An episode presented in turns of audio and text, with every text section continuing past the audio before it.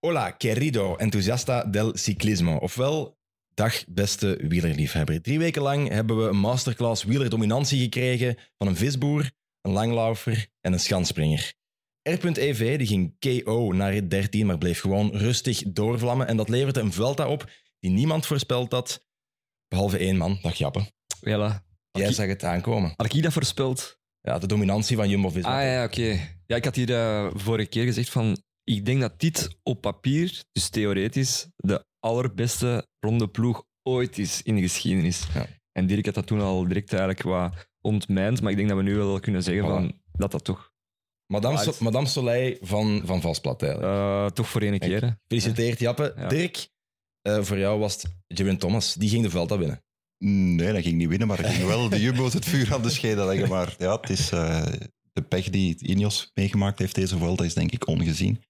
Ik ben eh, twee weken geleden of vorige week nog eh Laurens de Plus, onze vorige gast hier eh, bij Move to Cure, tegengekomen. Ja, die liep daar nog op krukken. Die jongen had letterlijk een goede kilometer gereden of hij lag tegen de grond. Ja. Het ergste vond hij van, hij had zelfs geen enkele kopbeurt in de ploegentijdrit kunnen doen. Zo erg. We gaan het er allemaal over hebben. Ik ben Max en welkom bij Valsplat.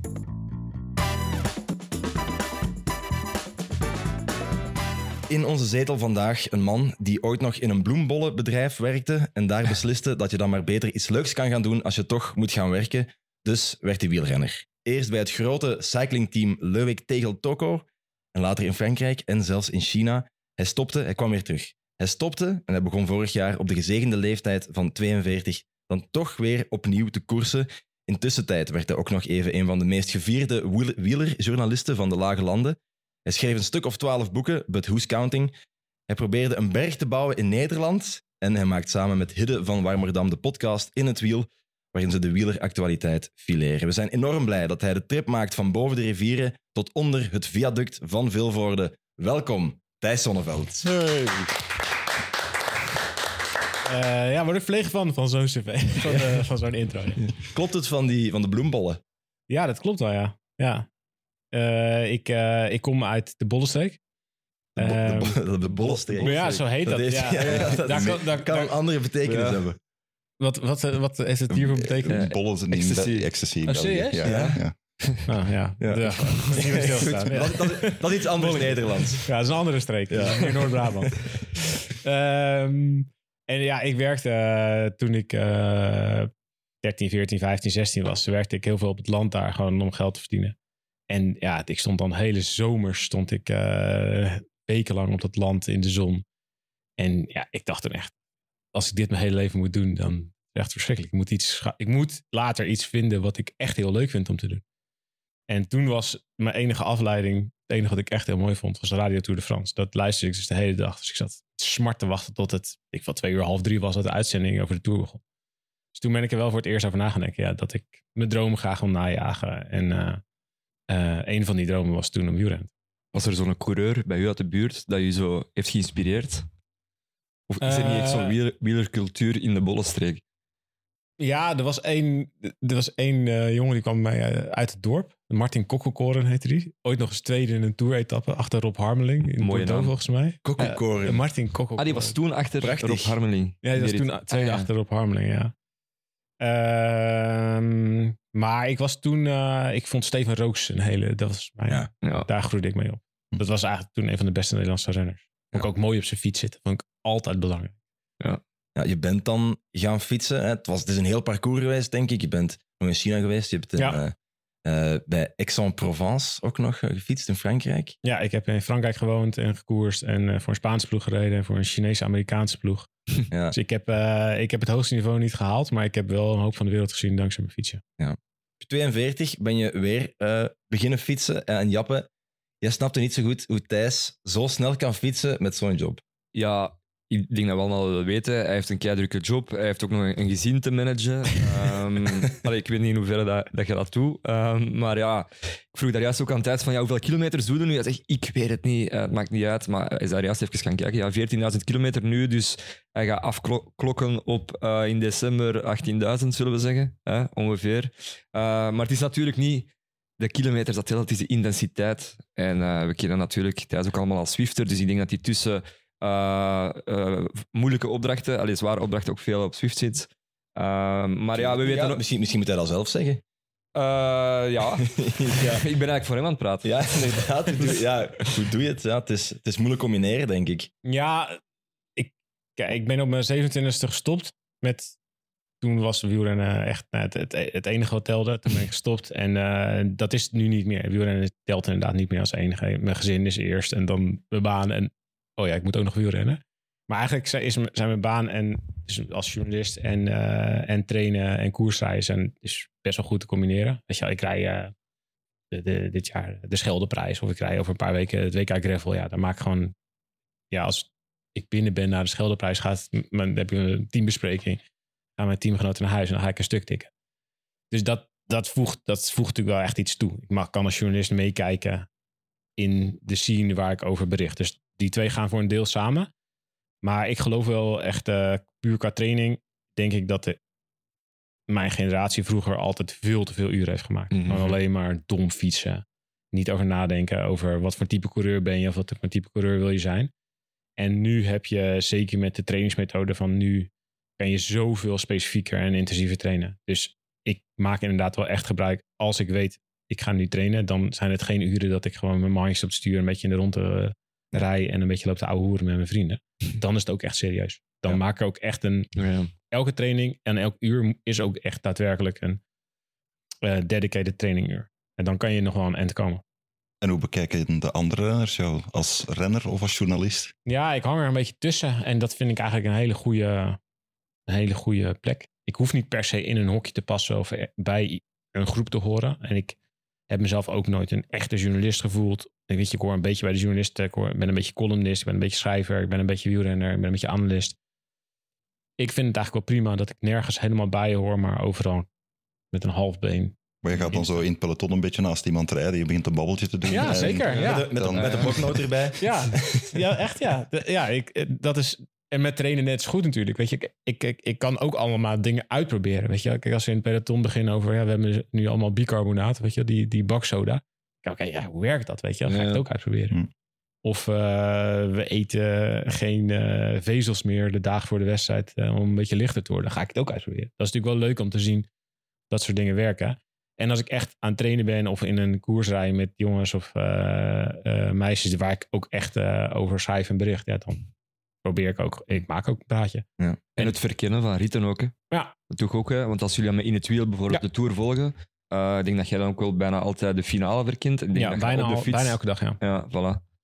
Ja. weet je, ik wil een beetje voorkomen dat ik eh, uit een soort ivoren torentje ga schrijven en ga zeggen van, ja, hoe, zo was het vroeger. Zoals iedereen eigenlijk wel doet. Dat Is wel het gevaar. Ja. Ja, is wel het Ja. gevaar, weet je. En dat je het allemaal gaat relateren aan, aan vroeger. Of het nou vijf of tien of twintig jaar geleden is. En dat wil ik niet. Ik wil het relateren aan nu, want ik wil zo actueel mogelijk zijn als journalist. Ja. Maar ik heb ook gewoon super veel plezier in om te koersen en om te trainen. En ik kan het goed opbrengen. En ik niet meer als het week na week moet. Maar dat hoeft ook niet van mijn ploeg. Ik moet er gewoon een aantal keer per jaar staan. En ehm, ja, daar kan, je, daar kan ik wel redelijk goed naartoe werken en trainen, eerlijk gezegd. Ja. Mm. Ja, we zitten hier natuurlijk met nog iemand die ook de journalistiek met fietsen combineert. Dirk, is, Ja. iets voor u. Het is misschien iets voor u ook. Ik fiets op heel laag niveau, maar echt heel laag niveau. Maar, maar wel journalistiek op superhoog Ja. niveau. Ja, Dus ja, ja, het is al goed. Het is dat balanceert.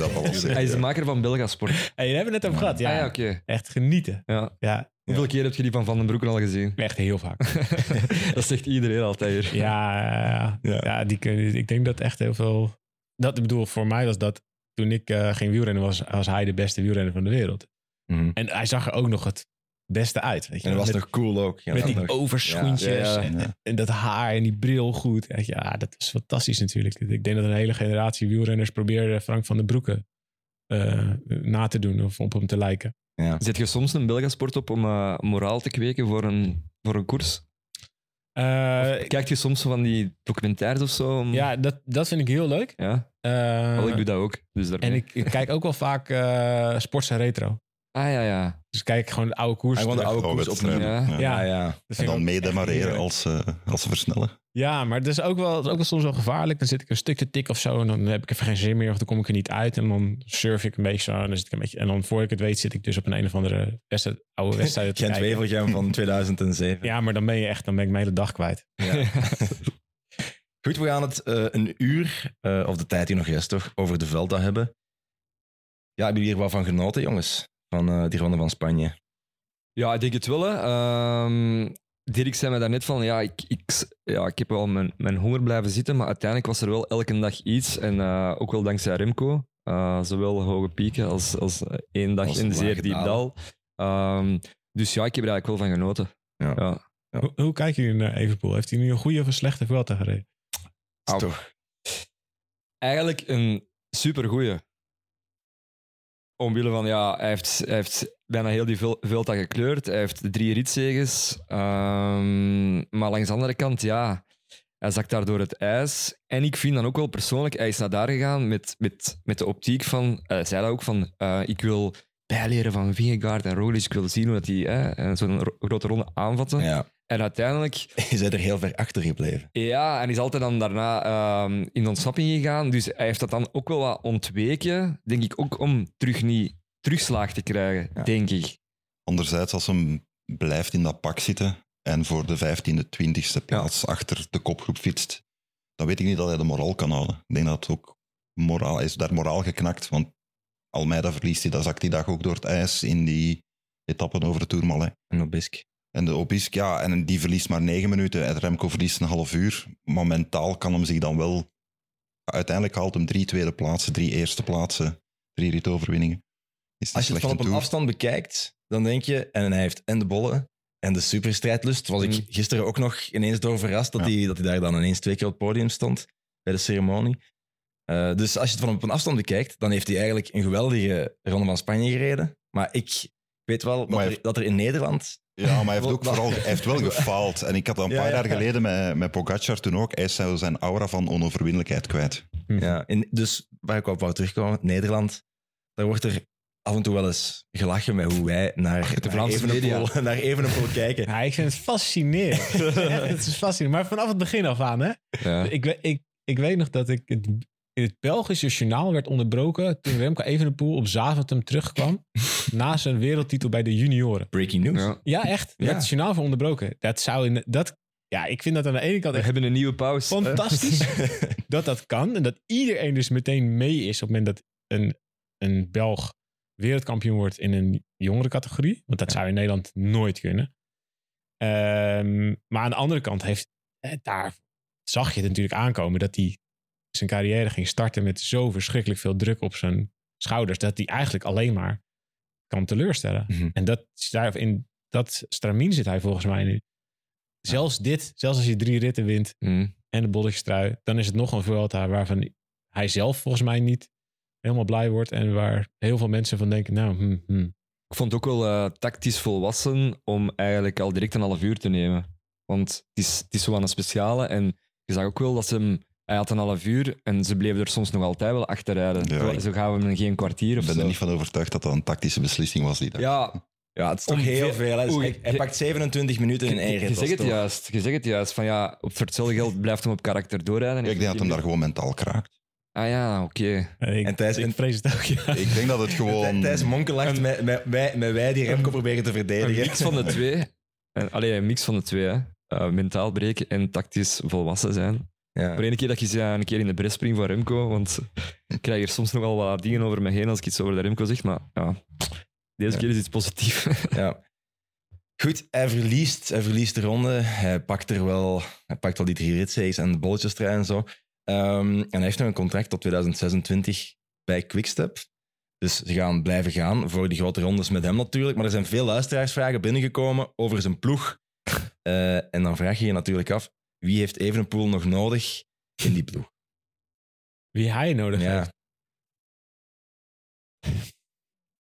Want de nummer vijf van de Ronde van Spanje van dit jaar komt volgend jaar natuurlijk al. Ja, nee, ik denk dat we dus misschien wel te veel focussen op welke renners hij nodig heeft. Kijk, ik denk dat er best wel een aantal renners bij Quickstep rijden die hem goed zouden kunnen ondersteunen. In een ideale situatie heeft hij met eh, Van Wilder en met Landa en, Vervaken. Ja, en een paar jongens, Cataneo. Weet je, het, ja, er zitten echt wel jongens bij waarmee je een heel eind zou kunnen komen. Alleen, als je naar het hedendaagse wielrennen kijkt, dan eh, is het aantal renners dat een grote ronde kan winnen al heel beperkt. En het aantal ploegen dat een ro- grote ronde wint al helemaal. Bedoel, dit jaar is het alleen maar Jumbo. Vorig jaar was het nog UAE. eh heeft UAE er vorig jaar gewonnen? Niet eens volgens mij. Nee. Nee. Eh, Bora met Hindley. Ja. Ja, ja, ook al. Ja. Het zijn maar heel weinig ploegen. En eh Evenepoel heeft vorig jaar de Vuelta gewonnen. Maar het was een niet zo goed bezette Vuelta. Het was- Ont, onthoofd natuurlijk. ja, en het was ook niet een... eh, het was ook echt een totaal ander parcours dan dit jaar. Ehm, dus als je gaat kijken naar oké, welke ploegen zijn er toen in staat... en als je dan je gaat verplaatsen in Evenepoel... en gaat nadenken, oké, maar hoe worden de jongens van... bijvoorbeeld van Jumbo-Visma begeleid qua voeding, materiaal... eh, hoe herstel je na ritten... En dan is dat gewoon een stapje beter. En dat is natuurlijk waar de hele heisa over ging aan het begin van deze Velta Ja. tussen, de twee Patricks. Dat is het. Ik, en en nu, ze gaan het nu, nu natuurlijk proberen op te lossen met, weet je, gaan proberen nog een, nog een paar renners te halen en proberen Evenepoel tevreden te stellen. Maar in de ploeg zelf, ja, eh Jumbo-Visma is sinds 2015 bezig met het bouwen van een soort wetenschappelijk kader rond die ploeg. Dat ga je niet zomaar inhalen. En ik, daarom snap ik wel dat Evenepoel naar Ineos zou willen, als hij geen contract zou hebben. Of, ja. Maar het het gaat- was wel iets meer dan lonken natuurlijk. Er zijn gewoon heel veel gesprekken op de achtergrond geweest. Ook Ja. over fusies tussen eh, Ineos en, en Quickstep. Om te kijken of daar iets mogelijk was. En ja, volgens mij is het nu wel redelijk van de baan allemaal. En heeft Evenepoel Ja. ook gedacht... ja, ik moet ergens een keer een keuze maken... want dit kan niet zo bezig blijven. Maar dat speelt ongetwijfeld ook wel in zijn achterhoofd mee. En is, is de oplossing dan om, om kaderend personeel daarbij te zetten? Ja, Dat- maar ja, dat- moet, daar moet je dus ook wel de financiën voor hebben. Het is ook gewoon een, een geldkwestie. Ja, als Ja. je dus op wil boksen tegen ploegen die een financiële categorie hoger zitten... en je moet nu al die mensen eromheen gaan aantrekken... en meer hoogtestages en meer uh, windtunneltesten en allemaal dat soort dingen. Ja, dat moet dan nu heel snel gaan. Dan moet je dus heel veel geld tegenaan smijten... om al die kennis binnen, binnen te halen. Nog niet zo makkelijk hoor. Nee. Dat, is wel een, dat is wel een punt dat Thijs ook aanhalen van in 2015. Toen, toen Lotto Jumbo aan dat project begon, toen hebben zij wel een grote schoonmaak gemaakt in Ja. personeel, in begeleiding, omka- niet alleen in renners, maar ook echt in die omkadering. En daar echt een heel nieuw kader geschetst. En allee, ik heb heel veel vrienden bij Quickstep, dat zijn hele toffe mensen, maar dat zijn heel veel mensen die daar ook al 10, 15 jaar rondlopen. En die dat ook allemaal nog doen volgens het oude systeem. Ja, en volgens het, het, het Ronde van Vlaanderen in Ja, dagwedstrijden ja. in, in En ik denk dat- Vlaanderen en, dat eh, die- Frankrijk. al die soigneurs, al die mechaniek, al die kennis die daar zit, ik denk dat die wel top is. Maar misschien niet voor alles op een grote ronde te zetten. Mhm. Ja, bij Jumbo ook. Uiteindelijk betalen ze wel Roglic en Vingegaard en Van Aert wel eh, redelijk goed. Maar eh, het is niet dat ze echt van die zotte bedragen zoals bij UAE. eh, en ze, ze hebben dat ook al gezegd van ja, we investeren ook echt ja, in die in omkadering. Hè, en die betalen ze ook wel echt. En ja, dat, dat zie je minder bij de andere ploegen. Hè. Die andere ploegen, bijvoorbeeld UAE, die kopen gewoon. En dat is, ja, dat is een beetje meer een zootje ongeregeld. Hè. Ehm, er wordt ook soms wel gezegd van Jumbo van ja, ehm, die, die zijn ook iedereen aan het kopen, zoals nu Jorgensen. Maar als je dan zo kijkt naar die transferpolitiek, ja, Vingegaard, Roglic, ja, die komen ook wel van nergens Ja, eigenlijk. daar stonden Eh, geen ploegen voor in de rij. Nee, voilà. Sepp Kuss, ja, ze hebben die dan opgepikt bij Rally, omdat hij, eh, wat was in de Tour of Gila of, of in California, Ja, even California. boven water kwam. Uh, dus ja, over ehm, ja, de transferpolitiek, daar valt wel iets, allee, heel veel over te zeggen. Ja, het gaat ook niet alleen om geld, het gaat ook over ja, hoe scout je en wie ga je halen en waar mik je op op welke Ze prestatie. hebben Van Aert ook gewoon veel beter gemaakt. Ja. Ja, Jumbo-Visma, eh, dat is de grote olifant eh, op de Angliru. Eh, ehm, die mannen hebben een ongelooflijk Velta gereden, eh, met heel veel er rond natuurlijk. Hè. Eh, Jappe, we hebben het juist al even gezegd, maar ja, hij had gelijk, hè, Dirk. Het is, eh, het is de, beste, de beste ronde ploeg Ja. Ik ooit. krijg het moeilijk over mijn lippen. Maar nee, de beste ronde Ik vind het ook moeilijk. ik om een grote moeilijk. ronde mee te winnen. Ja, er was ook gewoon geen tegenstand. Almeida zakt door het ijzer. Ja. Evenepoel is niet op de afspraak. Maar voor de Eh, Ineos zeiden we, nog, weg. voor de Vuelta zeiden we nog, het, was, het is een sterk deelnemersveld. Nee, nee. ah, mm, ja, ja. Dus ja, ik kan het toch moeilijk toegeven. Is er een ploeg beter in de geschiedenis van het wielrennen om een grote ronde mee te winnen, op papier? US Postal van 99 of... eh, van 2005. 2000 ah ja, met Popovic. Ja, dat was ook wel een ploeg. Ja, je, misschien die, die, je hebt nog een paar van die Sky-ploegen gehad. Die Ja. ook wel echt heel sterk waren. Ja. Ja, Zeker met, het deelnemersveld dat het toen was. een keer. Die heel lelijk waren om naar te kijken. dan. Heel lelijk. Ja, ja. Echt hele lelijke tours. Ja. Ja, als je de tour van wat was het, 2012 neemt met eh 100 kilometer tijdrit erin en met Ja. Wiggins aan de start en met één aankomst of twee aankomsten bergop, Ja. wist je van tevoren eigenlijk ook wel hoe het ging lopen. toch? Ja, ja. Wat aan mij vooral aan deze Vuelta stoorde, was dat ik heb niet het gevoel dat de beste gewonnen heeft. En ik ben altijd, nee, ik ben altijd van het principe, ofwel wint de beste, ofwel wint de leepste. Eén van de twee, dat zie ik Ja. het liefst. De geniepigste, de, de linkste, de leepste, ofwel Wie de sterkste. liefste? En Ja. nu, nu wint de liefste. Ja, maar nee, we hebben in het voorjaar viel heel de wereldwereld over Wout van Aert, die Gent-Wevelgem gaf aan Laporte van hier win jij maar. Ja, ik heb hier zo hetzelfde gevoel bij. Allee, kus, we gaan jou meenemen. Allee, is toch we, we anders? gunnen het jou. Dat is toch anders, want dat is- dit gaat over een verhaal van een jaar of jaren. En met Van Aert is dat meer een eendags, was een eendagskoers. Ja, maar ik ben Eh, op mijn honger blijven zitten ja, dat qua snap ik. Dat snap ik. strijd Ja. rond het Ja. eindklassement. Ja, anderzijds hebben ze wel geschiedenis geschreven. Voor de eerste keer wint één ploeg de drie grote rondes in één jaar. En dat is denk ik ook wel een doel waar je, waar je aan wil werken. Ja, we en- hebben de strijd niet helemaal gezien. Ik bedoel, die is natuurlijk voor een deel uitgevochten op de hotelkamer of in de ploegbus. Mhm.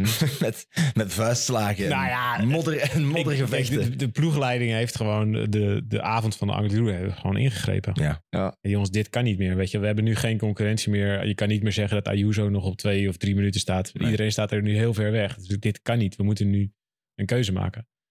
En als ze hadden gekozen om het gewoon maar vrij te laten, dan denk ik dat Vingegaard waarschijnlijk had gewonnen. Mhm. Eh, maar hadden misschien ook wel degene gewonnen die als eerste had aangevallen. Dat was ook raar geweest, toch? Ja, ja, Dat absoluut. was een hele was- lelijk, dat was een heel, lelijk Er geworden. waren ook Ja. heel veel memes. hè. Ik zag een meme verschijnen van Judas Vingegaard. Dus eigenlijk ehm, een beeldenis van vroeger, een schilderij. Dus Judas dat zo Christus omarmt. En dan zo'n foto daarnaast van Vingegaard met kus. Dus ik denk dat ze dat bij Jumbo ook wel al die memes gezien hebben. En ze zullen gezegd hebben van fuck, we moeten Ja. hier... eh, van inderdaad- Vingegaard eigenlijk eh, Ja. loyaler dan Ja, ik Roglic. vond hem ook Klopt, heel klopt, eigenlijk. klopt, ja. Ja. Ook in de interviews. En dan, ja, zie je Roglic na de, na de meet, zie je Roglic met zijn kin tegen, Ja. tegen zijn zadel bijna. Ja, dat Maar is toch maar ook niet, niet, ook niet fijn om naar terug te kijken. Maar langs de andere bent. kant, de dinsdag Nathan van Hooijdonk, eh van Hooijdonk dag, eh, viel die wel aan. Hè? Allee, Vingegaard. Dus ik vind ook wel, ik had toen wel daar wel een heel raar gevoel bij. Mhm. Ook al ja, had hij wel die adrenaline, denk ik, van die dag en wou hij winnen voor zijn best friend zijn. Ehm, dus ja, ik, weet, niet, ik vond dat raar, want uiteindelijk die viel aan op vier kilometer van de meter. Ik denk dat hij dat ook wel uiteindelijk meer op het einde kon doen en daar zo de rit winnen. Ja, het was wel een raar klimmetje. Want er zat inderdaad er zat een, was eigenlijk in twee trapjes. Ja. Je had eerst twee kilometer lastig. En dan twee kilometer een beetje vlak. En dan nog een kilometer lastig. Als hij wacht op de laatste kilometer, dan wint Roglic waarschijnlijk. Ja, Mhm. Ja, volgens mij wat hij ook wilde, was gewoon andere ploegen ook aan het werk zetten. En wat je in zo'n rit ziet, vind ik ook wel een beetje metaforisch, symbolisch voor de rest van het jaar. Dat Vingegaard gaat en dat Fisher Black dan reageert. Ayuso en Almeida, die zitten ergens achterin, die rijden niet voor elkaar. Soler is, nou ja, dat is de ene dag alles en de volgende dag niks. En dan gaat Finn Fisher Black proberen Jonas Vingegaard terug te pakken. Ja, ik wist zelfs niet dat hij zo goed bergop kon. Die die wordt dan tweede in, die rit, hè? En, Ja, en Ayuso en Almeida verliezen daar gewoon heel veel Ja, tijd. ja. En ik, ja, dat is, daar, aan dat soort dingen zie je gewoon dat ze bij andere ploegen echt zoveel steken laten vallen. En dat is ook wel een deel van het verhaal. En dat vergeten we soms wel eens. Ik vind ook, Jumbo doet heel veel dingen heel goed, maar ik vind dat andere ploegen ook wel echt heel veel dingen heel slecht. is UAE het nieuwe Movistar, Dirk? Nou, we stoppen met over Moby Tactics te spraken. Vanaf nu is het UAE Tactics geworden. Ik vroeg me echt soms af van wie zit daar in die volgwagen. Als je die ploeg zag rijden, inderdaad. Loszand. Als die figuur van Pogacar daar niet is, dan is dat echt een ploeg op loszand, denk ik. Nee, maar ja, het pure feit alleen al dat Ayuso en Almeida hebben bedongen dat ze een grote ronde mogen rijden rond Pogacar. Nou ja, dan worden ze alle twee opgesteld. Ja, dan denken ze alle twee, oké, ja, maar dit is onze kans. Dus die hebben voor elkaar niks gedaan. Nee, nee. Sterker nog, ze, zijn elkaar, ze hebben elkaar een soort aangevallen op sommige momenten. Ja. Ja, als je dan met zo'n ploeg rijdt tegen Jumbo-Visma, waar alles wel voor elkaar is, wordt het wel lastig, hè? Mhm. ja. Maar ik had nog een vraag voor Thijs, want ik, hij kent de, de situatie bij Jumbo-Visma goed. Hij is op de hoogte van de interne keuken. Maar is dit het ergste wat dat kon, of het slechtste wat kon gebeuren voor de interne hegemonie van samen winnen en binnen Jumbo-Visma? En het, het is wel een soort beeld van hè, we zijn één ploeg, Ja. samen strijden. En de maskers zijn toch wel een beetje afgevallen. Eh, ik denk wel echt wel dat ze iets te managen hebben, ja. En dan vooral tussen Vingegaard en Roglic. Mm, Volgens mij is Kuus is gewoon, is gewoon super. Die was al heel blij. ja, ja. Die is nu nog blijer. Maar als hij tweede of derde was geworden, was hij denk ik ook wel best wel blij geweest. Maar ik denk wel dat, er, dat de verhouding tussen Vingegaard en Roglic wel op spanning is komen te staan. Je moet, van allebei de kanten is natuurlijk iets voor te zeggen. En wij van de buiten, dan is Roglic eigenlijk de minst sympathieke nu geweest in de laatste week. Omdat je echt wel van hem het idee had dat hij er heel veel moeite mee had. Dat er op een gegeven moment een keuze werd gemaakt dat Kuus ging winnen. Maar als je in hem verplaatst dat hij dus... eh, hij is degene op wiens rug de ploeg heel lang heeft eh, ge- meegesurfd.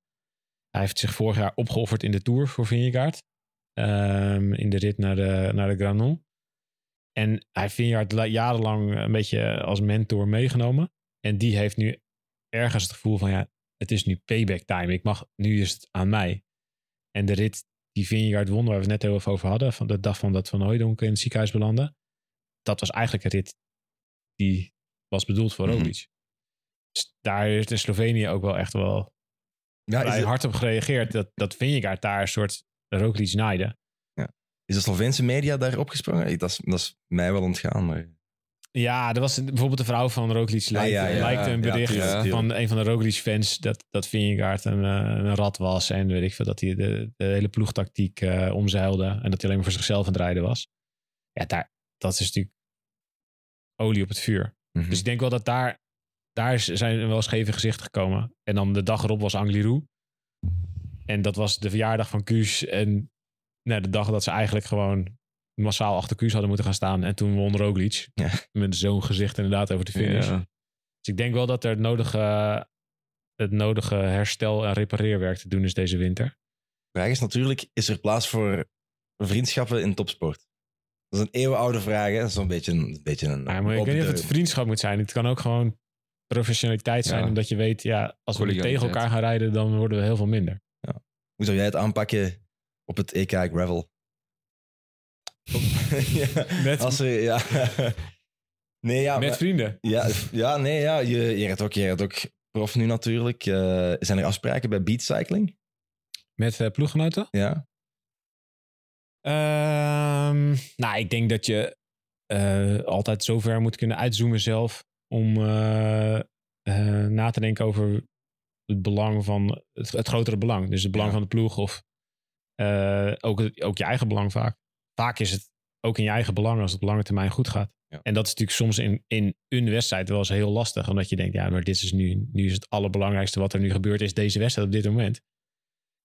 Maar eh, ja, ik heb bijvoorbeeld van het, van het voorjaar een, een het, het was Nederlands kampioenschap strandrace. En daar kwamen we met drie voor uit te zitten met één ploegmaat.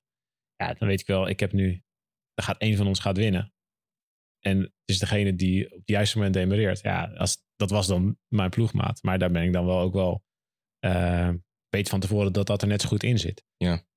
En ja, als je het niet doet, als je tegen elkaar gaat rijden, dan wint waarschijnlijk eh, degene die eh, de, de, de derde been, de, derde, derde hond. Dus ja, ik denk wel dat je gewoon, dat deze jongens wel ook zo professioneel zijn dat ze weten, dit zit er wel gewoon in. Als je in een grote ploeg rijdt, dat je dus af en toe ja, Ja. jezelf weg moet cijferen voor een, eh, voor een andere. En het is niet dat ze nog niets gewonnen hebben natuurlijk. Hè. Dat, is, eh, Dat is scheelt zo. natuurlijk echt heel veel. Hè? Ja. En wat denken jullie ook dat er echt tijdens de, in de derde week van de Vuelta echt een soort van crisisvergadering met iedereen van Jumbo is geweest om dat even de plooi glad te strijken? Of met de, Dirk- cour- Dirk met, knikt. met, Ja, ik, kan me de niet, coureurs? ik kan me niet inbeelden dat de ploegleiding niet, niet, niet op een bepaald moment gezegd heeft van oké, dit is het plan, dit gaan we uitvoeren. Want als je ze los tegen elkaar laat rijden, dan zitten ze daar op die berg gewoon te kijken van... dat- ik had zelfs al het gevoel op als eh Vinegaard en, en Roglic met twee weg zijn op, op de Angliru, dat Roglic op het einde inhoudt. Want die, die Ja. demereerde heel sterk en op het einde ja. hield hij echt in. Want die had zoiets van, ja oké, kus in het rood, daar kan ik mee leven. Maar Vinegaard ga ik hier niet naar de rode trui gaan, Nee, nee, gaan brengen. ja. Dus daar moet Ja, toch... Vingegaard was daar echt eigenlijk de beste helper Ja, ja, ja. door in het wiel van Roglic te zitten. Ja, Ja, we hebben gisteren Marijn Zeeman gebeld in de podcast, in onze podcast. En toen hebben we deze vraag gesteld. Hebben jullie ingegrepen? En toen eh, moest Zeeman eventjes, eh, eventjes nadenken. Toen zei hij, ja, ik ga niks zeggen over wat er in de kleedkamer is gebeurd. Ja, dus... Dus ja. dat, Ja. dat, dat is was dus. Precies, ja. Ja. Ah, ja. Dat kan niet anders. Het is heel veel geweest tijdens de eh Vuelta natuurlijk. Daarna was er ook een persconferentie. Eh, waar Vingegaard heel gepikeerd op gereageerd heeft. Eh, of ja, zaterdag was er een persconferentie, ik zal het zo zeggen. Er werd weer gespeculeerd over doping binnen Jumbo-Visma. Ehm, dan wordt er zo naar het Armstrong-tijdperk gekeken, of naar Sky, waar heel veel gedoe om was. Ja, gaat dat ooit stoppen, Dirk? Stel jij daar vragen bij? Nee, ik stel er mij geen vragen bij, maar ik weet wel dat ik in 2000, 2015 of 2016 stond, was ik in de Tour en ik, toen zat je Lotto Jumbo, toen werden ze Jotto Lumbo genoemd. Die zat Jotto toen, ja, dat, werd toen, ja, dat, waren zij- heel slecht. Ze waren heel Ja. slecht. Ik Ja, weet dat ik daar mijn verzorger stond en dat waren de hoogdagen van Sky die alles stuk reden. En dat toen een soigneur tegen mij zei van ja, het is zo moeilijk om één renner in vorm te doen pieken in zo'n grote ronde. En die mannen slagen erin om dat met acht, negen renners te doen. Jotto Lum- eh, Jumbo-Visma slaagt daar nu ook in. Hè, want ze, ze winnen niet met één en dezelfde renner of met twee renners. De drie grote, het is met drie verschillende renners als ze de drie grote rondes winnen. Dat is Ja. op zich al heel sterk. Ja, en ze steken er zo hard bovenuit. Maar heb jij daar een verklaring voor? Waar ligt die dominantie van, Jut- van Jumbo-Visma? Jotto Lumbo, ja. Eh, eh, kijk, om, om te beginnen vind ik het altijd... Ik vind terecht dat er vragen worden gesteld. Bedoel, het is eh wielrennen. en Wielrennen heeft een eh, behoorlijk rot recent verleden. Dus ik vind het heel normaal dat er vragen worden gesteld. Ik vind dat het soms heel ver doorslaat naar beschuldigingen zonder bewijs. Nou ik denk dat Jerome Pinot deze Vuelta Hm. daar eh, het toppunt van was. Door gewoon maar te roepen, hij, heeft, hij moet wel een motortje hebben. Zonder enige vorm van bewijs. Nou, dat vind ik tamelijk treurig. maar als je gaat kijken, ja, waar, hoe komt het dat, dat Jumbo erin slaagt om, het, om, om drie grote rondes te winnen en om al die renners zo goed in vorm te krijgen elke keer? Ik, ik denk dat je dan de meest logische verklaring is terug te gaan inderdaad naar 2015, naar de wetenschappelijke kader dat ze hebben gemaakt. En wat je volgens mij door de jaren heen ziet, is waar ze heel goed in zijn geslaagd, is om de controleerbare dingen controleerbaar te maken. Dus dat ze succes voor een klein deel maakbaar hebben gemaakt. Misschien stiekem wel voor een groot deel. Inderdaad, met drie renners waar niemand het toen in zag zitten. Een grote ronde winnen, zelf opgeleid, zelf hele omkadering eromheen gezet. Elk jaar op alle niveaus in de organisatie een stukje beter worden. Dus niet alleen maar betere renners halen, maar ook dus elk jaar investeren in voeding, elk jaar investeren in materiaal, elk jaar investeren in aerodynamica, elk jaar in het voor elkaar krijgen om een groter budget te maken. Dat vergeten we ook wel eens, dat daar een heel groot deel van het succes zit. Het jaar 2015, dan stonden ze denk ik mij, ik denk dat ze Ja, de laatste, denk dat het ze ook, het ja. kleinste budget hadden van iedereen. Ja, toen was er geen, geen budget. Hè. En nu, nu hebben ze na UAE en Ineos het grootste budget. Dus weet je, ze zijn als organisatie, ze zijn zo gigantisch gegroeid. Mhm. En er zit er zo ook een heel groot commercieel team achter. Het is niet dat, ja, en dat zie ik ook wel bij oudere ploegen of oudere westerse ploegen. Ik zie Patrick Lefevre is de hele tijd bezig met geld. Hij moet Altijd. over- ja, maar hij moet Ook tegen, ook tegen zijn renners. ja, overal geld vandaan. eh, vandaan. Het is een Ja. soort, ja, het is, het is best, best wel een beetje ouderwets. Overal met de pet langs om weer een beetje geld op te halen. Ja. En nou ja, als je dat dan gaat afzetten tegen een hele professionele organisatie zoals Jumbo, die een gigantisch commercieel team heeft, die alleen maar de hele jaar bezig is om sponsorposities te verkopen en om nieuwe sponsorproposities te maken. Ja, dat is, oeh, dus dat, daar vergeten we wel eens Ja. hoeveel van de winst daar ook in zit. Is er al een nieuwe sponsor eigenlijk? Voor Jumbo-Visma. Er is nog niks gekend, hè? Ik denk dat ze redelijk dichtbij zijn. Ja. Als ik het een beetje in de achter de En schermen. wat heb jij Jij weet, jij weet meer. Nou, ze zijn uit elkaar gegaan met de schaatsploeg. Dat is, Ja. ik, weet niet, ik weet niet of jullie dat in België überhaupt weten, maar er zit ook een schaatsploeg aan Ja, ja, ja. Jumbo-Visma. Ja, ja. Schaatsen, wat is dat juist? Ja, ja, Bart Swings. ja, Waar- ja. Ja. Zit, zit Jutta Leer dan daar ook niet bij? Ja, ja, ja, oh, Ja. Ja, die kennen die kennen, die kennen ja. Die, die volgen ze die wel. kennen we, Die ja, ja, ja. wel. bekender dan schaatsploeg. Eh, maar die zijn nu uit elkaar gegaan. Dat was zeg maar een, een twee-eenheid die eh, hebben, hebben zich opgesplitst omdat ja, het eigenlijk niet meer verenigbaar is. Jumbo is een Nederlandse sponsor. Nederlandse supermarkt heeft uitbreiding in België. Maar daar houdt het wel een beetje op. En de wielenploeg is nu zo groot en internationaal geworden dat ze daar een grote internationale sponsor bij zoeken. Mhm. Of al bijna rond hebben. En de schaatsploeg moet het gewoon hebben van een Nederlandse sponsor. Ja, schaatsen is groot in Nederland in de winter. Mhm. En daar houdt het op. Bij ons, wanneer Bart Swings. Ja, precies. Ja. dus ehm, ja, om terug te komen op jouw vraag. Ja, hoe komt het dat ze zo goed zijn? Ik denk dat het van allemaal stukjes een klein beetje is. En dus ook dat de concurrentie al jaren dingen laat liggen. Ik denk dat we daarmee wel een beetje het hoofdstuk Jumbo-Visma afsluiten. de allerbeste ploeg van het moment. Het is heel simpel, denk ik. Hè. Maar mag ik er nog één ding over zeggen? Ja, zeker. Want- zeker. Hou je niet in. Ja, want we hebben het nu de hele tijd over de grote rondes en hoe goed Jumbo-Visma is.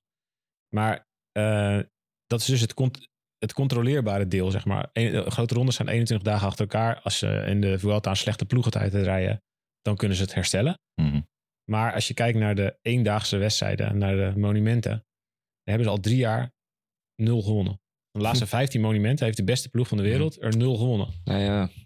Maar Dat is, u- dat is ook interessant, toch? maar uiteindelijk, ja, dat is interessant, maar uiteindelijk winnen ze ook wel ook gewoon veel eendagswedstrijden. Zeker, En maar niet de grootste. Nee. Nee, ja. Dat is eh, natuurlijk ook wel omdat er veel ja, heel grote talenten Maar dat was in de bij Sky en bij Ineos ook zo. zitten. Ja, maar, Maar dat- die, maar maar die, die- maar die maar in de ja. Die zitten daar niet op in. Ja, Ja, Jumbo zit daar nu ook wel op in. en Van Baarle hebben daar ook jaren rond Oh, Ronald van Aert en eh Laporte. Ja, en, voilà. Ehm, Maar inderdaad, dat is wel ook gewoon, zoals je ze- zegt, dat is ook minder maakbaar. Hè? Ja. Eén dag. Ja. Dus er komt veel meer bij kijken, qua geluk. Ehm, dus ja, Maar het is meer dan geluk. Want als je kijkt naar, naar hoe de grote rondes dit jaar bijvoorbeeld tactisch zijn verlopen, mhm. dan hebben we in de Tour gezien en in de Vuelta dat of Jumbo aanvalt, of, de, ja, de- of het is een hele rustige rit. Mhm. Mhm. En in de Giro heeft Jumbo eigenlijk de hele Gi- Giro zo saai mogelijk proberen te maken, omdat Roglic niet super goed was. En dat is heel erg goed gelukt trouwens. En dat is ook goed gelukt. Ja. Maar toen hebben de andere ploegen ook niks gedaan. Dus Nee, als je het jaar samenvat, dan is het alle andere ploegen. Het is gewoon, de koers is gewoon in de grote rondes is of Jumbo valt aan, of de andere ploegen wachten tot Jumbo gaat aanvallen. En in de eendaagse wedstrijden, dus in de monumenten, is het heel anders. Want daar rijden jongens als Pogacar en Van der Poel rond. En die beslissen, zij beslissen wanneer de koers Mhm. ontploft. Ja. En dan zit Jumbo in één keer eh, niet in de driver's seat en kunnen ze niet hun tactische plan ontvouwen. En loopt de wedstrijd heel anders. En hebben ze de koers helemaal niet onder controle. Mhm. Want zelfs Parijs-Roubaix, waar Van Aert misschien wel had gewonnen, Mhm. hadden ze de wedstrijd niet onder controle. Ja, dat is waar.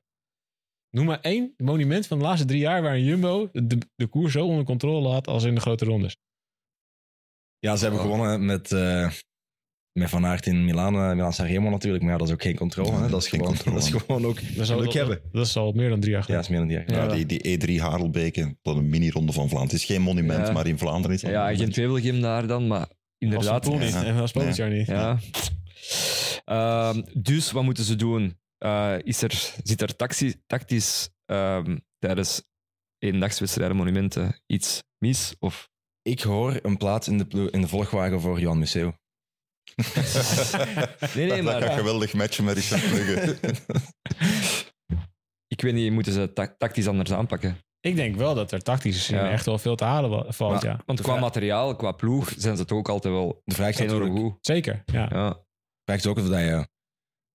Ja, en nu ik ze, nu ik de vraag stel, betrap ik mezelf erop dat het wel mogelijk is. Maar ja, kan je zowel uitbrengen in de grote rondes als in, de eendagswedstrijden? Tuurlijk. Eh, maar ja, het kan, hè. Het kan. Ja, U- UAE doet het eigenlijk ook, maar die doet het gewoon met een eenmansploeg. Ja, Ja. Ja, Ja, ja. Dat, is, dat is een slechte vergelijking. ja. Ehm, ja, ik had er eigenlijk nog... Ja, ik ga er wel eens over nadenken. Ik had er eigenlijk nog niet echt over nagedacht dat ze eigenlijk wel op dat vlak een beetje een probleem hebben. Ehm, maar dat wordt altijd wel wat afgestraald puur op Van Aert eigenlijk. Als in, Ja, dat is ook wel... Dus we, dat, dat, dat, maar ik denk dat het meer op de hele ploeg is. Ja, Mhm. Dus heel vaak in de ronde, ook in de voorbereidende ronde van Vlaanderen, dan rijdt Laporte goed en dan rijdt Benoot Ja. goed. En, en dan is, is het de ronde en dan in één keer is het een totaal andere eh, koerssituatie. dus we zijn, er, zijn eruit. Wout van Aert is gewoon de beste coureur ter wereld. Het ligt aan Jumbo-Visma. Helemaal goed. Er was Jumbo-Visma natuurlijk, er was nog een andere hoofdrolspeler. Er waren er meerdere, maar ik denk dat deze een prominente rol gespeeld heeft als de organisatie, die toch wel steken laten vallen heeft, denk ik. Te beginnen in Barcelona, eh, met een tijdrit in de regen en in het donker. Ploegentijdrit. Is dat, waar, kan dat eigenlijk? Hoe, waar haal je het in je hoofd om dat te doen? Ja, er is, er is één ding wat je niet onder controle hebt, dat is het weer. En in Barcelona, ja, maar, Maar als het, daar, nee, maar- het is daar 360 dagen van de 365 goed weer. En die ene dag is er een... Maar dat je dan als organisatie niet clever genoeg bent of niet... een half uur vroeger starten. Ja, dat je dan niet kan aanpassen, dat is... Maar ik had ook verwacht toen dat ze overgenomen werden door ASO, want het is eigenlijk de organisatie van de Ronde van Frankrijk die nu de Vuelta organiseert, dat ze daar ook schoon schip gingen maken. Maar dat is blijkbaar niet het geval. Blijkbaar zit gewoon nog de hele oude organisatie daar. Ja, Dus gewoon een ander, etiketje. ja, voilà. ja. Want er was ook nog de, eh, de modderpoel op de Alto Caravaggio de la Cruz. Eh, dan waren er een paar verzorgers die bijeengeslagen zijn door de politie. Ja, dat Kan daar blijkbaar ook. Franco. Franco is terug. Dat was door de politie. en uiteindelijk is dat niet de organisatie, maar de organisatie kan ook wel een keer samenzitten met de instanties, denk ik. Ja, dat is een soort van georganiseerde chaos eigenlijk. En dan was er ook nog eh, eh, vliegtuiggate. Ja, was een, ja, dat was, Toch? Maar ja, eigenlijk eh, na, de, na Zaragoza was er een transfer richting, eh, richting eh, Pyreneeën. En dan hadden ze twee vliegtuigen gecharterd, Ja. denk ik. eh, waarvan er één nog kon landen net op tijd. En dan was er opnieuw een onweer, waardoor de tweede omgeleid geweest is naar Madrid. Hebben de renners nog op, met bussen richting het noorden gevoerd. En ik denk dat de eerste renners rond vijf uur s ochtends in hun hotelkamer aankwamen. Ah, dat is Rustdag. rustig. Ja. Ja. ja. ja, maar het is ook niet goed om tijdens een rustdag te veel stil te zitten, hè? heb ik ook al gehoord. Het is ook belangrijk om Ja. om Ja. toch, wat, toch wat in beweging te Nee, blijven. maar het is natuurlijk wel tamelijk schandalig dat gewoon, dit is gewoon amateurisme. Top, hè? Ja, zeker. En eh, ik bedoel, ja, de Tour is ook niet altijd even goed georganiseerd. Maar dit, is, dit slaat echt alles. En eh, het is, wel- ik denk dat een klein wonder is dat het niet een enorme invloed heeft gehad op het klassement of op hele grote namen. Ehm, maar ja, ik vind het wel jammer dat de Vuelta zichzelf op deze manier ook wel echt afficheert als... Oh ja, we hebben ook nog de Vuelta. Ja. Het, het, het derde, het ondergeschoven kindje, zeg maar. Het helpt helemaal niet in het aanzien Nee. dat Vuelta zou kunnen hebben als je zo'n dingen, zo'n zo'n dingen hoort of ziet. ja, de Vuelta wordt al jaren beschouwd als de, vo- de voorbereiding op 2K. Nu was alles de, de tijd en de ruimte om eigenlijk eh, volledig als een volwaardige ronde worden ja, bekeken door iedereen, zal ik maar zeggen. En eh, ja, Als we de prijs voor de lul van de Vuelta moeten geven, dan zou ik zeggen, de Vuelta-organisatie krijgt hem eh, toch, wel, toch wel met stip. Is dit een wekelijks terugkerende, of maandelijks terugkerende tijd? Nee. nee, nee, nee, nee, het is eigenlijk na, na de ronde proberen we altijd een paar prijzen weg te geven. ja, ja. Dus ja, dus bij deze. Ja. Of als, je- als jij nog een andere lul hebt van de Vuelta. Nee, ik vind, ik vind dit wel een terechte. Ja, ja voilà. Er was ook nog het vals plat effect, waar ik het graag over zou willen hebben. Want Jappe, je wilde vorige keer, toen Laurens de Plus hier te gast was, wilde heel graag het vals plat effect benoemen. Ja Dat was iets, dat was een ding volgens jou. Eh, min of meer, hè. Eh, Jasper Philipsen was hier al eens een keer geweest. Mhm. Een paar dagen daarna won die de Schildeprijs. Ehm, wie was er hier dan nog geweest? Ehm, wie was er? Hmm, wat? Wacht, er was nog iemand, hè? Ehm, Victor Kampenaerts. Die heeft- Kampenaert, Ja. ja. voilà, ook. En dan nu ook, ja, de Plus reed dan ja, een paar dagen. Dus ik denk dat hij was hier maandag en dinsdag is hij opgevlogen naar Spanje. Dus wij dachten, oké, hij zit hier. Ik wil even, daar wil ik even kaderen. Ja. Jij zei... jij zei, je zit hier, dus er is een vals plat effect. Er is een vals plat effect Ja, en hij gaat, hij gaat scoren. En ja, na anderhalve kilometer lag je maar uit. Ja. dan, ben, ik nu weg. Ja. Ja, voilà. ja. ja, wat is jouw volgende wedstrijd? Eh EK Gravel. EK Gravel, dat is al binnenkort. Ja, dat is volgende week. Ja, Dus, Dus- eh, vals plat effect. Ja, ik was, eh, ik, toen ik, Kampenaars, die, die reed de volgende dag Leuven toen, Ja. geloof ik. Of Ja, ja, ja. won, Ja. toen reed echt supergoed. Ja. Ja. Ja, dit is, niet, dit is geen goede, nee, ja. geen goede voorbode. Nee, Laurens plus. Ah, toch blij dat je hier bent. Maar Laurens Plus, ja, wel enorm jammer. Hè? Het is eh, de, de eerste die uit de bocht vliegt, vlog. En de eerste die, eh, die neerging. Eh, Hij gaat hopelijk wat beter nu. Eh, hij zit terug op de fiets, heb ik gehoord. Ik had via Insta nog iets zien passeren dat hij toch al een, een fietstripje gemaakt heeft. Hij heeft nu twee weken elke dag kunnen revalideren, dus hij is terug aan de weg naar boven aan het bouwen. Maar ja, die jongen heeft al zoveel pech gehad in zijn carrière. Zo vaak van nul moet hij beginnen. Ik hoop dat hij terug het oude niveau dat hij in de Giro te pakken had, eh, Ja. terug kan bereiken. Ongelooflijke shout-out naar, eh, naar Laurens de Plus. Yes. Eh, en Dirk, nog iets wat met het valsplat effect te maken heeft. Arendsman en Jaron Thomas gingen het klaren voor Ineos. De twee kopmannen eigenlijk van Ineos, had jij voorspeld. ja, Dirk. Waar waren die? Ver- Ja, zij, moest- zij moesten de uitdagers worden van, van Jumbo. Dat was het, het grote duel en hopelijk kon Evenepoel daar dan van profiteren. Ja, ik denk dat Thomas vijf keer gevallen is of vier keer gevallen is. Arendsman maakt ook een ongelooflijke... Ah, ja. Ja, ik denk dat Thomas eh, vier keer gevallen is. En Arendsman, ja, die heeft twee keer gevallen, maar het was twee keer goed. Dus ja, die jongen zag er ook niet meer uit. Ik denk dat hij een paar tanden kwijt was nog. Eh, Ja. Dat zag er Ah ja, ja, ze willen Ja. die foto's zien passeren. Ja, Ah. ja. Dus ja, op dag 1 verliezen ze hun, hun Sepp Koes. Op dag, twee, op dag, ja, dag 6 verliezen ze de kopman die tegen de grond gaat. En dan de, de schaduwkopman die gaat twee dagen later ook tegen de grond. Ja. Einde verhaal. herkracht voor Ineos. Ik voorspel niemand meer in de podcast. Dan was er nog Bahrain Victorious, die een goede Vuelta gereden hebben. Op zijn Bahreins, Voor zover het kon. Hè? Ja, bepaalde ritten domineren, dat ook niet echt veel uitrijden. Ehm, ik vind ook wel, we hebben dan La- Landa weer eh, volle bak aan het werk gezien. Ik denk ook wel dat Remco dat ook wel graag zal gezien hebben. Hè. Eh, Landa in Maar we zitten hier met een landist. Ja, ik ben aanhanger van het landisme. Ja. dus- ja. Ik hoop ook heel erg dat hij volgend jaar in de, in, bij Quickstep een grote ronde wint. Wa- Wat vind je van de transfer? Ja, de- ik denk dat het heel lastig is om eh, klimknechten te vinden voor Evenepoel. Op Van dat, op van dat niveau, niveau, ja. Wie ga je halen? Ze zitten, liggen allemaal of vast of ze zitten al bij een hele grote ploeg. En, Oeh, is wel echt heel lastig. Ja. Dus ja, Landa was vrij. Ja, eh, ik denk, hij heeft niet een supergoed jaar gehad in de grote rondes. Stiekem reed hij in de kleinere rondjes eigenlijk best wel hard. Tweede, in- tweede in de Waalse pijl. Hij heeft echt wel goede uitslagen Ja, gedaan ja, ja. Ik denk dat Patrick Lefevre heel blij is dat hij nu pas vijfde wordt in de Vuelta. Ja, dat denk ik ook. Ja, ah, ja, ja, ja. Nu, anderzijds, hoe groot is de kans dat Landa in rit 12 volgend jaar in de Tour Remco een mes in de rug steekt en er zelf van onderbuist? Ah, ja, die is er wel. Landa heeft natuurlijk wel echt wel... Als je kijkt naar zijn carrière, heeft hij het voor elkaar gekregen om bijna bij elke ploeg eh, een verkeerde keuze te maken. Dat hij dacht dat hij voor zichzelf zou mogen rijden en toch niet helemaal. En nu hoorde ik hem na de Vuelta ook zeggen... Ja, ik ga volgend jaar Remco helpen, maar ik zijn ook zeker en vast kansen voor mezelf. Ja. Dit wordt leuk. Ja, sowieso. De Maar- soap. Ehm, de beste jaren van Landa waren ook wel altijd echt in dienst. Ja, dat is wel waar. Dus ehm, hopelijk geeft dat Remco wat moed.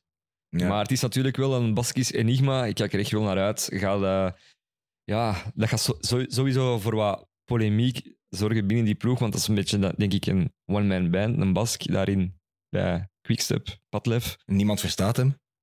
Ja, nee. Maar zijn Engels is wel oké. Ja, bij ja. Sky gereden. Dus, maar het, eh, is, het kan ook natuurlijk een soort van ja, peper in het gat van, eh, van Remco Evenepoel zijn. Dat hij achter hem iemand Ah, volgt ja, ja. die ook Ja. in staat is tot ja, prestaties in een grote ronde. Nou, ik denk dat het ook voor binnen een ploeg en hoe je op trainingskampen gaat en hoe Mhm. je status is Ja. in de ploeg, is het ook echt wel belangrijk dat je niet vanzelfsprekend altijd de beste bent. En nu, ja, ik kan me bij voorstellen dat als we op trainingskamp gaan met Quickstep, dat Evenepoel iedereen met twee vingers in zijn neus eh, eh, uit in zijn wiel zak blaast. Ja. En dat is volgens mij nooit echt goed eh, binnen een ploeg. Ook niet voor Evenepoel zelf. Ja, Evenepoel ging al mee op stage als eerste jaar junior, denk ik, of tweede jaar junior, en reed toen al iedereen naar huis. Dus, dus ja, dat is al jaren aan een stuk. Maar ehm, wat kan ik nog zeggen over Landa? Eh, Dat je van hem houdt. Nee, mijn vraag is, ik vind dat zo'n enigma, we weten daar heel weinig over, die zit ook niet op sociale media. Ehm, heb jij hem al eens een keer gesproken? Ja, Ja? Ja. En? Wat voor iemand? ik, ik zie je helemaal opvleuren. Ja, maar...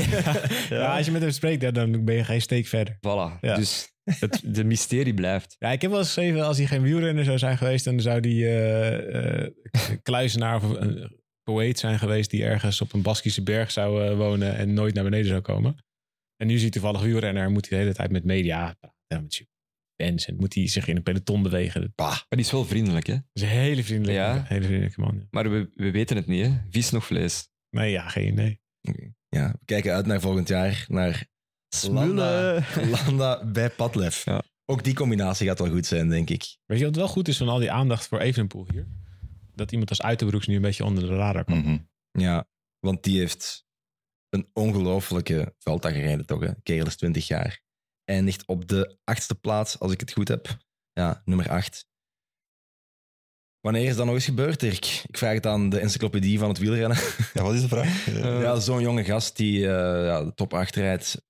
Ja, die achtste plaats rijdt. Ayuso. ja, Yuso. Vorig Ja, jaar. Pogacar. Pogacar heeft Het ook nog steeds- wel gedaan. Het, steeds het- jonger wel. het is nu veel meer de laatste jaren schering en inslag dat jonge gasten direct doorstoten op het hoogste niveau. Hij heeft me wel enigszins aangenaam verrast. Eh, ik, ik had nog niet direct het idee dat hem dit al aankon. Top 10 rijden, grote ronde. Ehm, vooral ook hoe dat hij in die laatste week nog eh, op, op de Angliru daar echt met het mes Ja. tussen de tanden eh, naar boven aan het rijden is. Hij keek er ook met heel veel... eh Ja. Hij keek er echt naar uit om de Angliru te rijden. Leuke interviews ook. Maar Ja, ja, dat is toch ongelooflijk. Ja. Dus die gaat, die gaat een etappe rijden waar met aankomst op het monster van die hele Vuelta, een berg die ja, een gewone sterveling niet opraakt, En voor, voor de start hoor je hem zeggen van... Ja, ja, ik, vind, ja, ik, ik heb er eigenlijk wel zin in. Ja, ja ik wil eigenlijk wel... Ik wil eigenlijk wel graag fietsen vandaag. Dat is zo tof. Zoveel vreugde en zoveel liefde voor de fiets. Dat er uit die gast spreekt, dat is, dat is ongelooflijk. hè. Ja, eh, maar dat moet hij vooral ook zo lang mogelijk houden. En als er heel veel druk op komt te staan, is dat misschien lastiger. Daarom is het volgens mij voor hem is het ideaal dat Evenepoel alle aandacht wegvangt. Ja. Zit hij goed bij Bora om echt te ontwikkelen tot een grote ronde renner? Maar zijn ze bij Bora op zich wel redelijk goed bezig? Er zijn echt wel dingen die daar beter kunnen. Bijvoorbeeld iets van voeding. Toen Kelderman daar reed, had hij, dat, had hij een eigen voedingsapp. En een eigen eh diëtist waarmee hij over, die, overlegde. die zelf Ja. moest. Ja, ja. Dan zie je natuurlijk wel als renners dat soort dingen zelf gaan doen, dat het bij de ploeg minder goed geregeld is. Ja. Maar goed, ja. Nochtans, de Duitsers. Die Deutsche Geschwindigkeit. Ja. Hij, zit in een goede, hij gaat zeker zijn kansen krijgen. Dat is denk ik belangrijk voor Uitenbroek. Dat hij niet in een Skytrain of bij Jumbo-Visma, waar je dan toch moet Ja. werken voor die, die grote... Hij gaat zijn kansen krijgen. Hij gaat zijn ding mogen doen. Ook al was er nu al zo'n beetje een klein akkefietje met Vlaas of die op zijn piek getrapt was, dat Hmm. eh, ineens die jonge gast aan zijn hielen kwam knabbelen. Maar hij gaat wel zijn kansen krijgen. Ja. Maar bon, we zitten met drie Belgen in de top 12 van de Ronde van Spanje. Evenepoel nog altijd op 12. Kian Uitenbroeks op 8. En ja, Stef Kras eh, op de 11e plaats. Er is Belgische rondeweelde. Ik ben ook wel blij dat Stef Kras zo echt wel finaal doorbreekt. Mhm. Ehm, want nu, misschien ging dat in de Tour gebeuren, maar denk na een week of zo lag hij eruit. Ehm, ja, want die kwam ook binnen bij, in de Ronde van de Toekomst. ik denk 2017 of zo werd hij vijfde. Dat was die, die Ronde van de Toekomst dat, dat Bernal won. En dan, ja, hadden ze die denk ik binnengehaald bij Katusha, denk ik. En dan is hij daar wel zo wat weggedeemsterd. Maar nu ook wel eh bewonderenswaardig dat hij eigenlijk wel ontplooit. Dan zelfs bij een Total Direct. Ja. Dus eh, Zeker bij die ploeg. ja, dat zeg, ja. ja, waar hij denk ik misschien ook wel zelf een app heeft. Om, Ja, eh, dat- vrees ik voor. Ja, Thijs, we weten al dat Nederland jaloers is op Remco. maar Nou, maar wij zijn wel jaloers. Ik denk dat wat er in Nederland aankomt, is, is niet zo goed als wat jullie nu hebben aan claim- en rondetalent. Hmm. Dus ja, we, we hebben denk ik een, een paar jaar gehad waarin eh, Nederlanders niet beseften hoe goed het was. Dat eh, en Dumoulin en Geesink en Kruiswijk en Mollema en, en Kelderman. Het was gewoon in elke ronde eh, reed er een Nederlander of meer eh, bij de eerste tien. ongelooflijk dat je zoveel klimmers hebt in zo'n vlak land. Ja. Ja. Ja, maar dat was ook gewoon. Ja, het, was, het had te maken met de opleidingsploeg van Rabobank. Die eh, die jongens eh, jarenlang heeft gescout en opgeleid. En die is verdwenen. Ehm, en die ja, nu eigenlijk weer opnieuw opgezet door Jumbo Visma. Mm, maar ja, ik weet niet hoe lang dat gaat duren voordat die weer dit soort gasten hebben gevonden. Dus dat is nog best wel. In Nederland hebben we best wel een groot probleem. Ook met de aanwas van eh, jonge renners. Echt aan de onderkant van de piramide. Ik denk dat jullie er in België wat dat betreft echt wel een stuk beter voor staan. Ja, dus dan stel ik voor dat je gewoon het journaal onderbreekt als er, als er iemand in de jongere categorie wordt. Ah, ja. Ja, dan zien die gasten ook, ah ja, ik kan op tv komen, Ja. het kan. dat Kan. is het eigenlijk. Ja. Ja. Jullie hebben natuurlijk een redelijk goede renner ook rondlopen. Geen ronde renner dan, maar ja. Wout, eh, Mathieu van der Poel eh, wint de Super 8 eh, Classic. Eh, in de, in de Primus- volledige... Primus Classic. Primus Classic, ja. Primus Classic. In de volledige witte outfit. De witte broek was er. Ja. Wat vinden jullie daarvan? Kan dat of niet? Eh, bij hem kan dat. Ik vind De- van wel, ja. Ah ja, tuurlijk. Ja. Jij vindt van niet. Ah, ik heb er wel moeite mee. Echt? Ja. Maar allee, het staat hem toch echt? En is dat dan een soort van ehm, ja, lichamelijke reflex? Word je daar onpasselijk van? Of denk je van, dat, dat doe je niet omwille van de, ja, het, het beeld? Ja, ja ik weet niet. Ik, ik, het, ik vind de zwarte broek gewoon zoveel mooier. Maar ik heb ook ooit eens zelf een keer... eh, werkte ik voor een krant en die hadden een witte logo. En toen hebben ze een keer een pakje voor me gemaakt met een witte broek. Dus dacht ik, nou goed, weet je, ik doe me aan. En toen stond ik bij de bakker. En toen, eh, toen zei, die, zei de mevrouw eh, achter de toonbank... ja, zo kan je echt niet binnenkomen. Wil je alsjeblieft naar buiten gaan? Ik ja. En toen keek, ik- keek, ik ging dus naar huis en dacht ik, wat heb ik nou misgedaan? En toen zag ik dus, ik had ik dus gezweet en toen zag ik dus dat witte broekje was gewoon aan de voorkant volledig doorschijnend geworden. Ah ja. ik heb er wel, ik weet dat zal ongetwijfeld nu wel iets beter zijn, maar ik weet niet, ik vind, ik vind de zwarte broek gewoon zoveel mooier. Ja. Dus je kwam eigenlijk met je Zeeuwse bolus Ja, binnen in Ja. de, Ja, eh, bij de Maar bakker. jij, maar jij zou nog wel witte kousen dragen in zwarte schoenen. Nee, nee Ook niet. zeker niet. Ah, oké, oké. Ik dacht dat ik dat iets had gezien bij u, of kan dat niet? Nee, andersom Nee. dan. Maar Wit- Witte schoenen, zwarte kous en witte schoenen. Dat wel. Dat kan vind ik ook. Ja. Ja, dat, dat kan zeker niet. maar ik doe, ik doe eh, altijd zwarte schoenen. Eigenlijk kan dat ook niet, niet, maar ik doe dat wel. En zwarte sokken. Ik doe altijd zwarte sokken. Zwarte schoenen, zwarte sokken. Ja, Beetje Lance Armstrong. ja. En Gilbert ook. Maar die heeft lage sokken. Vind ik ook niet. Nee, nee, nee. nee ze moeten hoog zijn. Ja. Ja, maar ik hou wel van het statement van zo. Ik vond het bij, dit jaar bij Luik Bastenaken Luik ook wel heel straf dat Evenepoel daar helemaal in wit ging gaan staan. Ja, Het jaar voordien zo wat kritiek gekregen van op koude voeten wegge- weggereden en dan gewoon voor de start te gaan staan van heb je me allemaal gezien mannen, ik ga er straks aan beginnen. Mathieu draagt ze ook en Mathieu doet dat ook wel. Ja. Hij, het- hij straalt het ook wel uit van hij mag dat, een witte broek. Ik vind het zalig als je het kiest op bepaalde momenten, zoals grote koersen, zoals de Super 8 Classic bijvoorbeeld.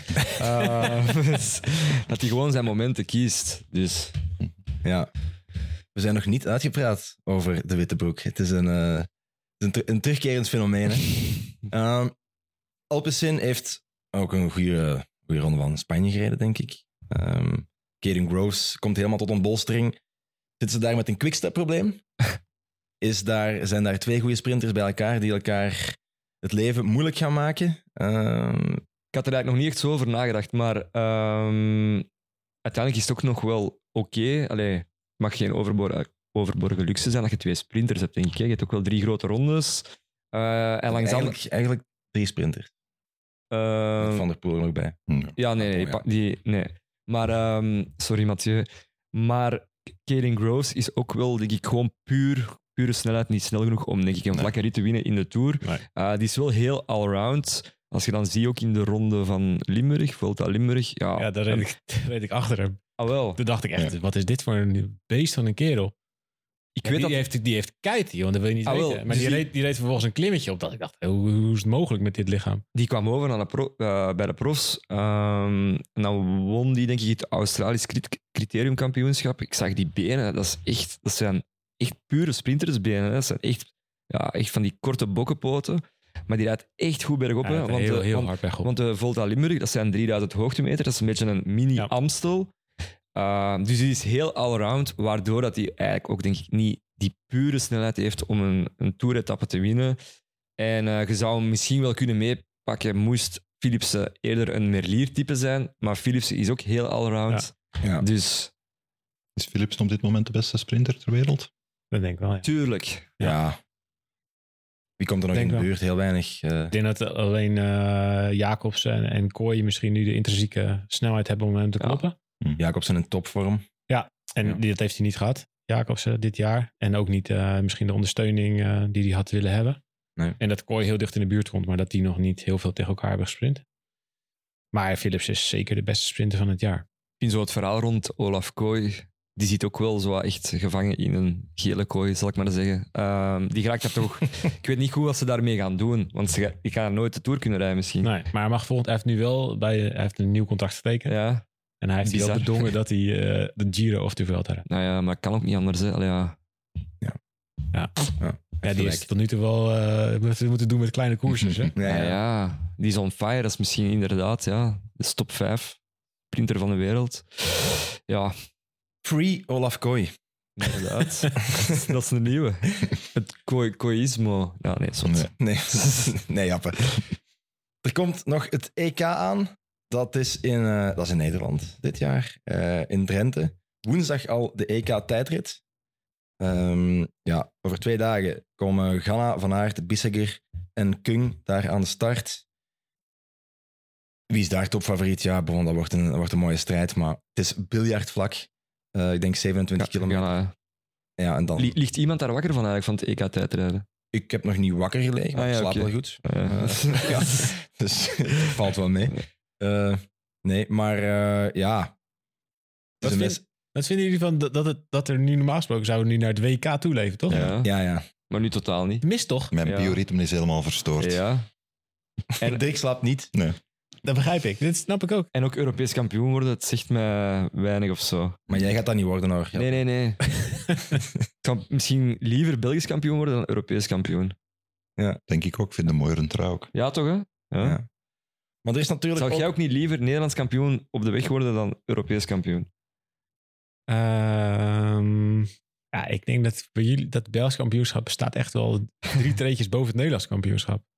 Eh, ja. staat iedereen ook aan de start. Bij het Nederlands moeten, kampioenschap is het gewoon ja, de, helft van de goede renners die zegt daarvoor af. Ah ja, jullie moeten niet starten. Nee, in Nee, België moeten ze starten. ja, ja. Dus zelfs in een, in een biljartvlakke omloop krijg je nog onwijs veel goede renners. En dan wordt Ja. het ook nog een hele mooie koers. Ja. Dat hebben wij niet. Nee, ja, natuurlijk. Die EK wegrit zondag, dat is rond de Vanberg. Eh, een stuk of, ik weet niet hoeveel keer. Thijs, hoe blij ben je met de Col du Vam? Ja. Want Het is stiekem echt best wel een eh, smerig ding. Kijk, hij zat altijd in de ronde van Drenthe. Ehm, het is gewoon een oude vuilnishoop. Waar ze een paar wegjes overheen hebben mogen, gelegd. Ja. mogen we eigenlijk over Het is een dat het was is het. Ja. Ja, het het ja, het, letterlijk ja. een oude vuilnishoop. Ja. Ja. voor de rest is daar natuurlijk ook gewoon een biljartlaken vlak. Eh, ze hebben een vuilnishoop gemaakt en een paar wegjes eroverheen gelegd. En in de loop van de jaren zijn er steeds meer wegjes overheen gelegd. Dus eerst was het alleen maar een soort fietspad eroverheen... waar je alleen met de Ronde van Drenthe overheen mocht. En nu hebben ze er echt een soort fietsparadijsje van gemaakt. Met ook kasseien, eh, meerdere kanten dat je erop en eraf kan. Ja. Ik vind, het is een beetje kunstmatig. Maar ja, we hebben verder niet zoveel jongens. Ja. Dus ik, Nee. vind, ik vind eerlijk gezegd wel Wat, heel wat leuk. zijn de specificaties van de Van Berg? Hoe lang? eh, 47 meter eh, ja, hoogte. nee, nee, maar hoe- als je beneden staat met je fiets en dan is dat hoeveel meter? Ik denk dat, als ik, ik weet niet uit mijn hoofd, ik, maar ik denk dat het iets van 500 meter aan eh 8, 9 procent is of Ah, ja, zo. Ja, dat is toch wel een stevige puist. Ja, ja. Maar over die ehm, artificiële bergen gesproken, ik wil het er toch nog even over hebben. Jij had ook een project, Ja. namelijk Die Berg komt er. Maar Ehm, dat was jouw claim to fame in Vlaanderen. Hè? Dat zo? Ja. Ja, ja, dat was zo de jij bent de keer man dat die een berg ging bouwen. Je Ja. bent een soort, soort van de, de Noah van de wielerliefhebber. Ja, het, was, het was gewoon eigenlijk een grapje. Het was helemaal niet serieus bedoeld. Het was in een, in een jaar dat, Nederland, eh, dat de Nederlandse renners het echt verschrikkelijk slecht deden in de Tour. En eh, dat ik dacht, ja, weet je, vind je het gek? Ja, we hebben hier, eh, we hebben hier geen berg, dus ze kunnen niet trainen. Dus ja, laten we gewoon zelf een berg maken. En het had ik, was een hele slechte column, vond ik zelf. En het, een vrij slecht plan. Maar toen bleek dat er dus allemaal mensen in Nederland waren die daar al langer over na hadden gedacht. Dus toen heb ik besloten om een soort platform te maken om die mensen te verenigen. Voordat ik het wist was het een echt project. En dan hadden we een, bouwteam en het wordt nog steeds eh, eh, op scholen gegeven. Het is nog steeds, eh, zit in lespakketten. Het zit in scholen het en zo. curriculum. Ja, Oh man. Wacht, het wordt op scholen gegeven. ja, dus nou, af en toe krijg je, krijg je vragen. Maar er is ook echt op de TU Delft is er het vak bergbouw geweest. Dus dat, je, Ah, ja. dat studenten dat konden... Dat is ook echt een Nederlands vak wel. Nou, Bergbouw. Wat, wat, wat ik toen niet wist natuurlijk, maar was dat heel veel professionals in die business heel interessant vonden, was dat het een kans bood om buiten de gebaande paden te denken. Mhm. Dus er zijn allerlei, uiteindelijk eh, is het totaal niet, eh, eh, het plan wat er uiteindelijk lag was totaal niet eh, mijn plan. En eh ging ook way over my head. Maar er zijn wel losse innovaties uit dat plan zijn her en der gemaakt. Er staat nog bijvoorbeeld een eh, energiecentrale in Kopenhagen, wat vorig jaar de Tour ook in beeld was, waar je Mhm. vanaf kunt skiën. Ah ja. Maar dat was ook de bedoeling voor Ja, Uberg, zeker. hè? Ja. Ook, ook voor dus, skiers. dus er zijn her en der zijn allemaal mensen die hebben gedacht, hey, dat is een leuk idee. Dus pakken we iets, iets af. Uit, een, uit een slechte column, Ja. vond je zelf, Ja, komt, zeker. Er, komt, er, komt er een soort van lespakket voor alle ingenieurs ter wereld die een berg willen bouwen. Ja, nou ja, ja, eh, ja nou, Ja. door de bocht eh, misschien wel, ja. Ja. Ja. Dus dat is grappig. Maar de Vanberg, ja, het lijkt er een, een heel klein beetje ergens op. En het is echt wel een leuk parcours. Het is wel behoorlijk selectief hoor. Ja, ja, zeker. Ja, het is natuurlijk wel een parcours eh, zonder Mathieu van der Poel. Dus dat is goed nieuws voor de grootste renner ter wereld. Ondanks zijn ploeg, eh, Wout van Aert. hè. Ja. Ja. Toch.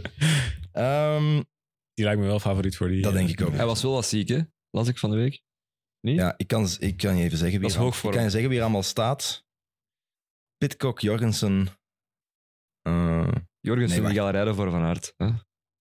Meus, Woods, Tiller. Nee, ik ben fout hoor. Sorry. Dat is wa- wie er aan de start van, de, van Groot-Brittannië stond. Oh, ja. Excuseer jongens. Zwat. Anyway, Wout van Aert, favoriet voor, eh, voor dat EK, denk ik. Denk ik wel, ja. Ehm, we hebben nog een giveaway. De giveaway van vorige keer. Die vraag was, waar eindigt Laurens de Plus in het algemeen klassement van de Vuelta? Oeh. Het antwoord was na anderhalve kilometer op de grond. Ja. Maar statistisch gezien was het wel interessant om een DNF te gokken. Ja, ja, Eigenlijk. ja, als je DNF gezet had, dan was je waarschijnlijk gewonnen. Eh, ehm, want dan ging de eerste vijf minuten neer natuurlijk. Hè.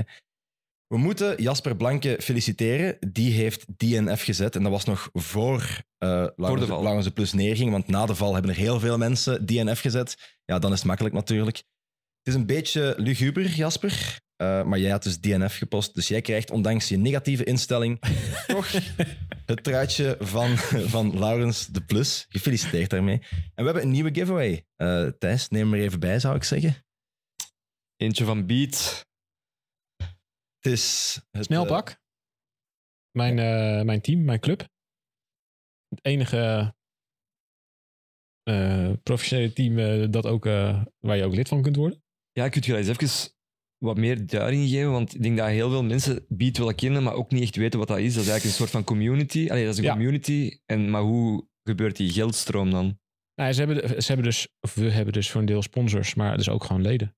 Dus het is eigenlijk meer op uh, nou ja, wat je bij andere sporten ziet. Uh, kijk naar voetbal of zo. Als daar de sponsor wegvalt, dan is het mhm. niet per se een probleem. Als bij wielrennen een sponsor wegvalt, dan is het meteen de hele wielenploeg uh, in rep Want als er geen nieuw wordt gevonden, dan dondert alles in elkaar. Dus eigenlijk door liedgeld nou ja, dus om, eh, ja, precies. Dus ze hebben een stabiele inkomstenstroom uit, uit leden. Daar worden allerlei dingen ook voor georganiseerd. Dus je kunt ook als lid kun je uiteindelijk doorstromen naar het eerste team. Ja, oké. Net als bij een, een voetbalclub of een andere. Ja. Dus u lid maken, hè? Ja. Dus ja. Jappe. Ja, gewoon lid worden. Ik vind het een heel mooie kleur. Ik, uh, een beetje het celeste groen van, uh, van Bianchi. Ja. Ik heb ooit uh, mijn eerste appartement dat ik toen had gekocht, heb ik in mijn living heel mijn muur celeste groen naar Bianchi En woonde jij toen samen met een vrouw? ik was toen samen, ja. En we zijn nog steeds Hoe heb je dat verkocht aan haar? uh, ik, we zijn eigenlijk samen gegaan op het moment dat ik het appartement had gekocht, dus je had eigenlijk geen keuze.